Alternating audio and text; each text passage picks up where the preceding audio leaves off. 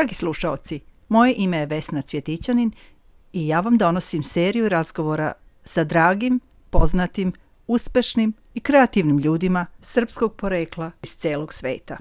Nadam se da će vam se svideti moji razgovori. Pridružite nam se svake nedelje na ovoj istoj podcast platformi. Dragi slušalci, dobroveče i dobro mi došli u još jednu emisiju Srbije u mom srcu. U današnjoj emisiji govorit ćemo o COVID-u. O čemu drugom se uopšte ovih dana i govori. Do sada sam nekako uspevala da se a, izborim sa tom željom da govorimo o, o, o zdravstvenim stvarima koje su, a, koje su preplavile sva moguća medija i koje se tiču ovog nesretnog a, virusa, ali ipak mislim da je jako potrebno da čujemo glas razuma, glas nauke i onaj glas koji će nam dati neke dobre informacije, dobre obaveštenja o tome šta činiti u ova čudna vremena, a pogotovo u vremena koja su se mnogo iskomplikovala ovde kod nas u Australiji. Ali da vas ne držim duže u neizvesnosti, da ja najavim mog današnjeg gosta. Veliko mi je zadovoljstvo da u današnjoj emisiji pozdravim mog gosta, sagovornika, stručnjaka, medicinskog radnika, specijalistu, doktora Jovana Rajičevića. Doktor Jovan Rajičević javlja nam se iz Crne Gore, iz Tivta, gde ima praksu i koju već godinama obavlja kao specijalista pedijatar. Dobroveče Jovane, dobro mi došao u program Srbije u mom srcu. Dobroveče Vesna, pozdrav svim slušalcima. Jovane, ja moram da kažem našim slušalcima zašto sam odlučila da, da s tobom razgovaram danas. Mi se znamo još iz uh, davnih vremena i imamo mnogo zajedničkih prijatelja, a meni je jako drago da kažem da si ti i suprug moje rođake koja živi u Tivtu već dosta godina. Nego ti nama reci čime se ti baviš i na koji način daješ poruke o zdravstvu, o medicini i pogotovo o COVID-u narodu oko tebe, ali u celom svetu. I u stvari moram da kažem da je to bio jedan od razloga zbog kojih sam i odlučila da te pozovem za moj program. Pa ja se svakodnevno u svojoj ambulanti, pošto sam pedijatar u razgovorima sa roditeljima, upravo bavim zdravstvenim prosvećivanjem, zato što ne samo davanje savjeta oko podizanja zdrave djece, nego i oko njege bolesne djece, zahtjeva dosta razgovora sa roditeljima i upućivanja na određene stvari koje se moraju uraditi za dobrobit djeteta, a koje prosto nekako ljudima često nisu evidentne i potpuno jasne. Jedna, recimo, od zabluda koja i danas je uvriježena u našem narodu jeste da ne znam, promaja izaziva prehladu ili, mislim, hladno vrijeme, bose noge i slične stvari da uzrokuju prehladu. To je nešto što ja svaki dan u ambulanti ljudima objašnjavam da jednostavno to ne postoji i da je u pitanju virusna respiratorna infekcija. Isto tako, pošto sam razmišljao da bi trebalo malo proširiti doseg tih mojih e, razgovora sa, sa roditeljima, ja sam odlučio prije nekoliko godina još da se preko svog Facebook profila malo odlučim na jedno šire zdravstveno prosvećivanje, tako da ja periodično izbacujem određene tekstove koji se bave temama koje upravo mogu da interesuju roditelje djece, a i uopšte i druge ljude ukupno. A jedna od glavnih tema kojim sam se inače i ranije bavio na, na svom Facebook profilu u okviru zdravstvenog prosvećivanja jeste vakcinacija upravo kao jedna od najznačajnijih preventivnih mjera zaštite od opasnih zaraznih bolesti. Tvoji članci o COVID-u su definitivno veoma popularni i kada god staviš neki od tih članaka, jako puno stotine ljudi ili komentariše ili odobrava i pozdravlja ono što ti napišeš. U nekim stvarima si čak i pomalo provokativan i to mi se posebno dopalo i ljudi, ljudi zato to i prate. Zbog toga što postavljaš pitanja koja se tiču ne samo direktno određenog zdravstvenog problema, recimo ovde covid nego se dotičeš i drugih stvari koje se tiču zdravstvene politike i, i uopšte na koji način jedna država ili različite države aktiviraju svoje programe u zdravstvenoj zaštiti. Reci nam čime se vodiš kada pripremaš svoje članke? Prije svega se vodim onim što smatram da je ključna poruka koju bi trebalo ljudi da, da ponesu u određenom trenutku. Pandemija je svakako dala zaista povoda za mnogo tekstova i mnogo različitih tema koje su u određenim trenucima bile aktuelne od toga um, kakav, kakav je ovaj virus, kako se on širi, koji su načini širenja, koji su načini zaštite. Prije nego što su uopšte pojavile vakcine protiv covid najznačajnije je bilo zaustaviti širenje virusa, odnosno usporiti širenje ove infekcije uz pomoć ovih protivepidemijskih mjera kao što su izolacija, socijalna, odnosno fizička distanca, pranje ruku, nošenje maski. Ja sam se u tom domenu isto potrudio da napravim nekoliko tekstova koji će upravo to do detalja objasniti, odnosno ljudima pokazati smisao tih, tih mjera. Prosto smatram da kad ljudi razumiju stvari, kad shvataju zbog čega nešto se dešava, da će u tom trenutku da naravno i postupati pametnije i znati zbog čega se neke mjere propisuju, jer čini se da je nekako u mainstream medijima, pogotovo na televiziji, malo podbacilo to zdravstveno prosvećivanje. Nisam vidio dovoljno emisija koje ljudima direktno objašnjavaju kako se virus širi, šta je to aerosol, šta znači širenje vazduhom, šta znači širenje kontaktom, kako to spriječiti. Tako da sam kroz ove tekstove smatrao da treba produbiti te teme i upravo ono što ljudima stvara najveću dilemu odgovoriti u tom trenutku. Dragi slušalci, moj gost u večerašnjem programu je dr. Jovan Rejčević. On nam se javlja preko telefona iz daleke Crne Gore i razgovaramo o vakcinaciji i o COVID-u. Jedno važno pitanje, Jovane, zašto je vakcinacija generalno važna?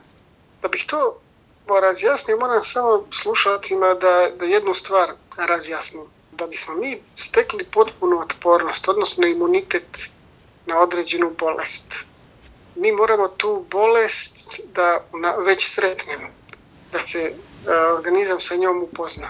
Znači, velika je zabluda mi, da mi možemo postići potpunu zaštitu od bilo koje bolesti ako organizam nije došao u kontakt, kontakt sa uzročnikom te bolesti već unapred. Jer u stvari imunni sistem funkcioniše po principu iskustva.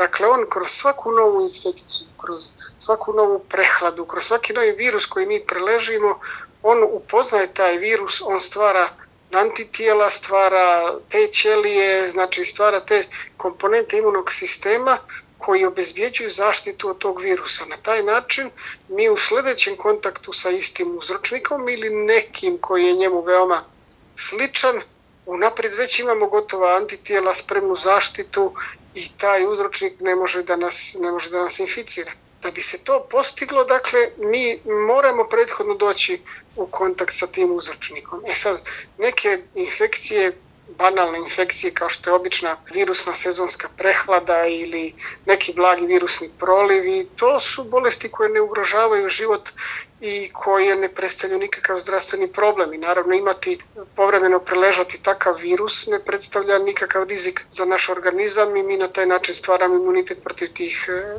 virusa. Međutim, postoje određene bolesti koje mogu da izazovu vrlo ozbiljne zdravstvene posljedice, pa i čak i smrt i takve bolesti uopšte nije poželjno u životu imati, dobiti, razboljeti se od njih zato što mogu da imaju strašne posljedice. Evo recimo jedan primjer na primjer, mislim, ovo je posebno značajno zbog dječjih vakcinacija, zato što recimo dječja paraliza, bolest koja je do prije 50-60 godina harala i razvijeni svijetom prije nego što su uvedene vakcine protiv nje. Jedna strašna bolest koja i dan danas pored sve moderne medicine u svom paralitičkom obliku izaziva, ima smrtnost od 5 do 10%, a praktično svi koji su oboljeli od paralitičkog oblika dječje paralize e, na kraju imaju paralizu, trajnu paralizu nekog ekstremiteta ili obje noge ili noge i ruke ili u svakom slučaju ostaju oštećeni za čitav život. Takvu infekciju ne bi trebalo dobiti, odnosno imunitet na, takav, na takvu bolest ne bi trebalo steći prirodnim putem jer ostavlja teške posljedice. Zbog toga je značajna vakcinacija. Dakle, dječje ove vakcine koje djeca primaju poslije rođenja u toku prve, druge godine života, one su zbog toga jako značajne jer oni na taj način kroz vakcine dobijaju na bezbjedan način kontakt sa uzročnicima jako opasnih bolesti, koje e, praktično kroz vakcine mi dolazimo u kontakt s njima virusima koji su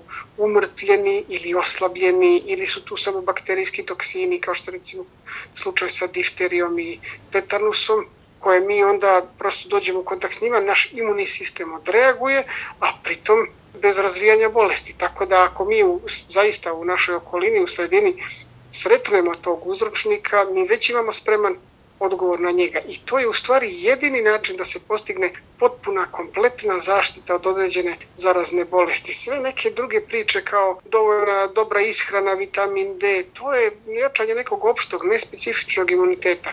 A jedina prava zaštita, dakle, jeste kontakt sa uzročnikom bolesti, to znači ili preležena bolest ili vakcinacija. Jovane, ovo je jedan od najjasnijih objašnjenja o vakcinaciji i na koji način naš imunni sistem uh, u stvari odradi svoju ulogu jednom kada je primio i bio u kontaktu sa, sa virusom ili sa, sa nekom bakterijom ili bilo kojom bolešću. Hvala ti za to. Drago mi je da, da sam to jasno objasnio, zato što su ljudi često u zabludi da nekim nespecifičnim postupcima mogu da postignu imunitet koji je savršen i koji, kojem prosto nikakav uzročnik bolesti ništa ne može. Nažalost, mislim, svi bismo voljeli da je tako, ali, ali priroda je takva, je, prosto nije tako. Jovane, reci nam sada o ovom COVID-u, ovom nesretnom, nesretnoj bolesti koja je obuzela ceo svet.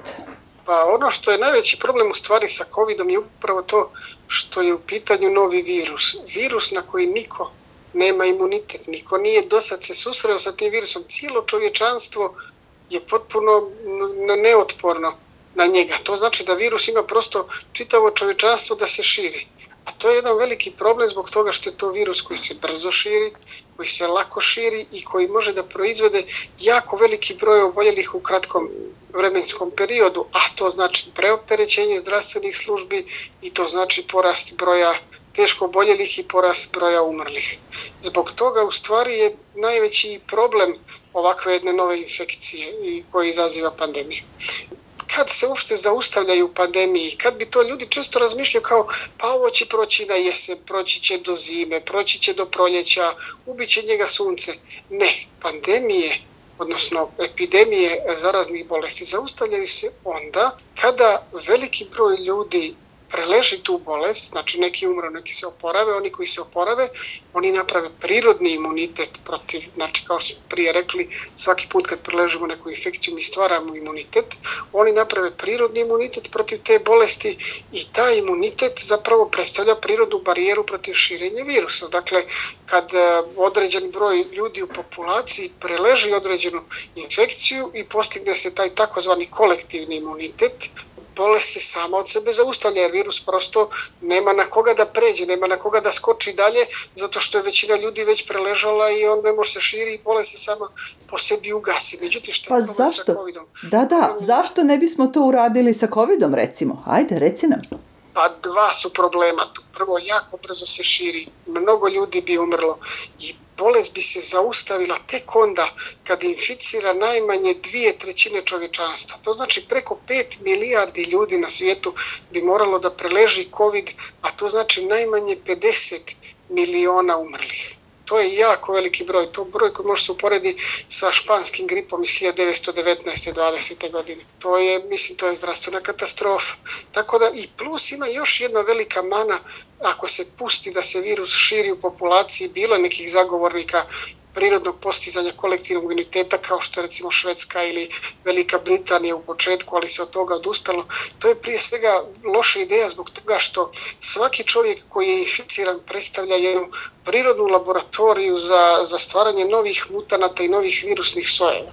Tako da virus svaki put kad se razmnožava u nekom oboljelom postoji mogućnost da se stvore određene mutacije i da se stvori novi soj koji će imati prednost u odnosu na druge sojeve pa će se ili lakše širiti ili izazivati malo drugu bolest ili, ili nešto biti drugačije. U stvari znači to nije uopšte dobra ideja. Jedina prava ideja, znači ono što nas zaista uči moderna medicina i što nam je danas omogućeno da postignemo kroz ovu modernu tehnologiju jeste da mi razvijemo vakcine protiv te bolesti i da ono kao što sam ranije rekao kroz vakcine istreniramo naš imunni sistem da se upozna sa tim virusom na bezbjedan način i kad dođe u kontakt s njim u prirodi, e, neće se ništa desiti, odnosno nećemo biti inficirani i postiće se osim toga Znači što je važno, znači vakcinacija nije samo čin naše lične zaštite, iako je svi doživljamo prije svega tako, već je ona prije svega cilj od javno zdravstvenog značaja jer nam omogućava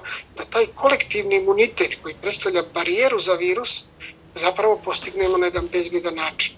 Kad se postigne kolektivni imunitet kroz vakcinaciju, pandemija će se ugasiti, mislim, bolest možda ostane endemska, ali mislim živjet ćemo bez nje i to će, vratit ćemo se normalnom životu. Jovane, na početku kada sam e, govorila o tebi, rekla sam da si specijalista pedijatar. Reci nam kako vakcinacija radi za starije generacije. Razlog zbog kojeg te ovog pitam, imamo samo par minuta, je činjenica da je u Australiji bilo različitih poruka od strane političara i od strane medicinskih radnika čak, da vakcinaciju jednom određenom vakcinom treba raditi za određene starosne grupe, drugom vakcinom za druge starosne grupe. Ukratko reci nam zašto je to tako? Pa vakcinacija e, kod starih ljudi poznato je inače pogotovo poslije 65. i 70. godine dolazi do slavljenja imunološke reaktivnosti i ljudi mogu nekad slabije da reaguju na, na vakcine, generalno ne stvaraju dovoljno jak imunitet, ali vakcine koje su danas razvijene, pogotovo ove novije tehnologije kao što je AstraZeneca vektorska vakcina ili Pfizerova koja je bazirana na informacijonoj RNK su jako efikasne, pa čak i za starije uzrasne grupe. Međutim, šta je sad stvar vakcinacije. Vakcinacija naravno ima određene neželjene efekte, ali ti neželjene efekti zaista ne mogu da se uopšte uporede po svojoj učestalosti i ozbiljnosti sa neželjenim efektima same bolesti, odnosno samog covid koji izaziva, recimo, kod AstraZeneca vakcine primjećene su da postoji taj rizik povećan od određenih tromboza u periodu nakon vakcinacije taj rizik zaista i postoji, ali on se prilike kreće na nivou od 4 do 9 slučajeva na milion vakcinisanih osoba. Kad bismo to uporedili sa e, rizikom da milion ljudi koji je oboljelo od covid od njih će 10.000 umrijeti, a gotovo 100.000 će imati neki neželjeni trombotički događaj. Znači to ne može da se uporedi koliko je manji rizik od same vakcinacije u odnosu na rizik od preleženog covid nego ljudi to ne percipiraju tako, nekako imaju osjećaj kad idu da se vakcinišu, da preuzimaju određeni rizik na sebe, ali nisu svjesni da ako mi ne zaustavimo ovu pandemiju, ako je pustimo da se širi prije ili kasnije svako od nas će oboljeti i upravo će se izložiti tom riziku i postati dio te statistike na ovaj ili onaj način. Tako da, mislim, generalno gledano, čak ovi neželjeni efekti i uopšte da su identifikovani tako rijetki neželjeni efekti kad mi imamo jedan e, efekt koji se javlja na primjeru jednom na 100.000 vakcinisanih, to u stvari samo treba da poveća povjerenje u vakcinaciju zato što pokazuje o tome koliko pomno se prate ovi e, neželjeni efekti vakcinacije i koliko se zapravo i gleda uh, unaprijed prema tome da se ti problemi riješi. U stvari čak taj problem sa trombozama već je na putu da se, da se riješe određene biotehnološke kompanije su izašle sa određenim predlozima kako da se to riješi. Vrlo vjerovatno će se u budućnosti pojaviti vakcina koja će biti u tom smislu potpuno bezvjedna i neće postojati ni najmanji rizik od tih trombotičnih događaja. A zbog čega je pomjerana u stvari e, uzrasna granica recimo za AstraZeneca vakcinu? Pa to je zbog toga što u stvari to je taj cost benefit kod njih najveći da prime vakcinu, zato što stariji ljudi imaju mnogo veći rizik da imaju ozbiljne komplikacije od covid i da umru od te bolesti mnogo veći nego što imaju mladi ljudi, a s druge strane mladi ljudi imaju nešto malo veći rizik da dobiju te trombotičke neželjene efekte nego stariji ljudi. Tako da u suštini ta preporuka da se pomjera starosna granica ima određenu logiku i ja se sa time potpunosti slažem. Ali naravno postoji druge vakcine sa drugim određenim neželjnim efektima za druge starostne neke grupe, tako da u suštini za svakoga ima određena vakcina koju može da primi vrlo bezbjedno, bez, bez ikakvih velikih rizika i da zaustavimo pandemiju. Jovane, hvala ti puno, ovo je bilo izvanredno. Ja želim da ti se od srca zahvalim Puno ti hvala za ove mudre reči, svaka ti je zlatna, što bi rekli. Sigurna sam da si mnoge stvari razjasnio i onima koji su imali bilo kakve e, nesigurnosti i u značaj vakcinacije i u značaj i važnost toga da se ova bolest e, saseče u korenu, još, još uvek je u korenu. Ja te puno pozdravljam, pozdravim i Tivat, jedno od mojih najumiljenijih mesta za letovanje u davna vremena. Ovo je bio doktor Jovan Rajčević koji nam se javio iz Crne Gore i govorio o COVID-u i značaju vakcinacije. Želiš li još išta da kažeš? Samo da se zahvalim slušalcima i nadam se da sam razjasnio određene dileme ako je neko ima. Hvala ti puno, dragi slušalci. Moje ime je Vesna Cvjetićanin, ovo je bila Srbija u mom srcu za ovaj utorak. Sledećeg utorka javljam vam se sa novom emisijom. Doviđenja!